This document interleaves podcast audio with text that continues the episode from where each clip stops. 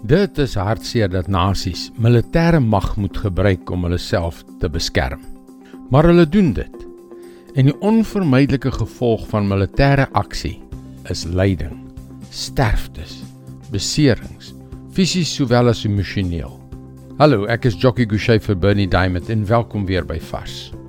Byna elke land dwars oor die wêreld het 'n spesiale dag waarop hulle gevalle soldate herdenk. Vandag is Memorial Day in die FSA waar die Amerikaners hulle helde vereer. 'n Gedenkteken is 'n monument of enigiets anders, byvoorbeeld 'n gedenkdag wat as herinnering dien aan iets of iemand wat 'n offer gebring het. So 'n gebeurtenis is iets waarop ons almal te midde van die bedrywigheid van die lewe 'n rukkie lank ons gedagtes laat gaan, net om te onthou. Dit is wat hierdie teksgedeelte so interessant maak. Handelinge 10 vers 1 tot 4.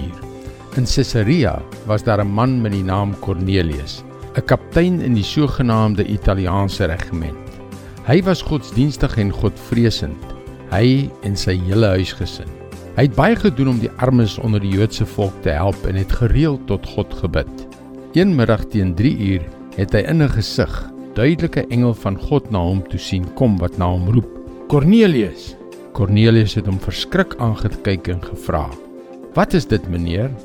Die engel sê toe vir hom: "God het gelet op jou gebede en op wat jy vir die armes doen, en hy het aan jou gedink." Cornelius was 'n godvreesende man, 'n goeie man wie se offers, sy gebed en sy hulp aan die armes vir God soos 'n gedenkteken was. 'n Gedenkteken.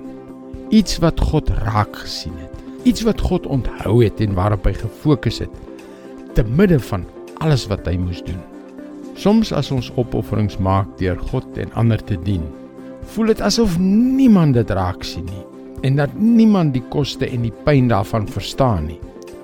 Maar niks niks kan verder van die waarheid wees nie want jou gebede en jou almoses is soos 'n gedenkteken vir God. Dis sy woord vars vir jou vandag. Die woord van God is vol aanmoediging. Die unieke soort aanmoediging wat net God kan gee. En laat ons eerlik wees. Ons het almal van tyd tot tyd sulke kragtige aanmoediging nodig. Ons het. Daarom wil ek jou graag uitnooi om ons webwerf varsvandag.co.za te besoek. Skakel weer môre op dieselfde tyd in op jou gunstelingstasie vir nog 'n boodskap van Bernie Diamond. Mooi loop. Tot môre.